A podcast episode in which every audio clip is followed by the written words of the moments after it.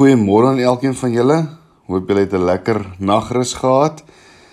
En ja, hierdie hierdie eerste paar dae van die nuwe jaar is met ons en dit is sommer 'n sommer 'n uitdagende eerste paar dae as ek dink aan alles wat die afgelope tyd gebeur het. Dis 'n hartseer eerste paar dae van van hierdie nuwe jaar. Maar dit laat my vanmôre dink aan 'n bekende gedeelte en 'n gedeelte wat my na in die hart lê en dit is Jesaja 41 vers 10 wat sê Moenie bang wees nie want ek is by jou. Moenie ontsteld word nie want ek is jou God. Ek maak jou sterk en ek wil jou help. Ek laat jou oorwin met my regterhand wat mense red. In Jesaja 41 lees ons hoe die woord van die Here na sy volk gekom het toe hulle moedeloos, bang en angstig was.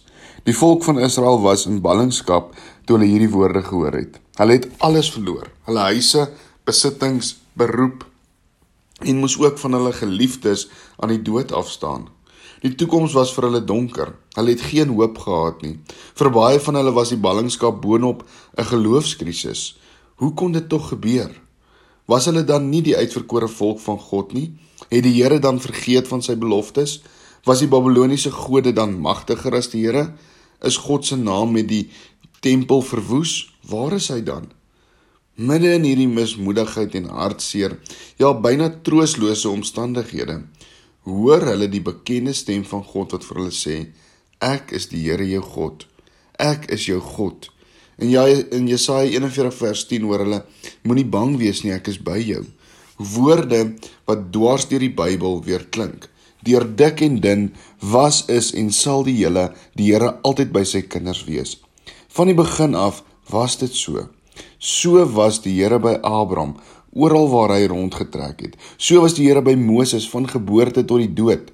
Soos 'n goue draad loop die belofte van die teenwoordigheid van die Here deur die hele Ou Testament. En in die Nuwe Testament lees ons dat Jesus Immanuel God by en met ons is. Hy het self beloof dat hy tot die volëinding van die wêreld altyd by sy kinders sal wees. En hieraan mag ons nie twyfel nie. God is by ons ook in 2022. God is by ons in hierdie hartseer. God is by ons in hierdie moeilike omstandighede. En daarom bid ons en ons en ons sê ons Vader en ons God waar ons hier aan die begin van die jaar staan en die toekoms in die gesig staar. Bely ons ons belofte aan U teenwoordigheid en aan U leiding. Here ons elkeen die dinge waarop ons hoop Daar's verwagtinge vir die jaar wat voorlê. Maar U alleen weet wat hierdie jaar ons inhou. En U alleen kan vir ons die krag en die wysheid gee om soek die nodige uitdagings wat daar is te kan te kan face, Here, om hierdie nodige uitdagings wat op ons pad kom te kan hanteer. Here, help ons in hierdie jaar om nederig ons hand in U hand in te sit en op U te vertrou.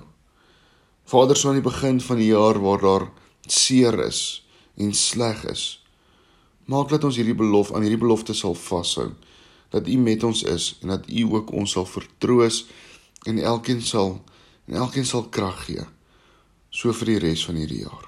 Dankie dat ons dit vir U mag vra. Amen. Mag elkeen van julle 'n wonderlike dag verder hê en so 'n mooi week.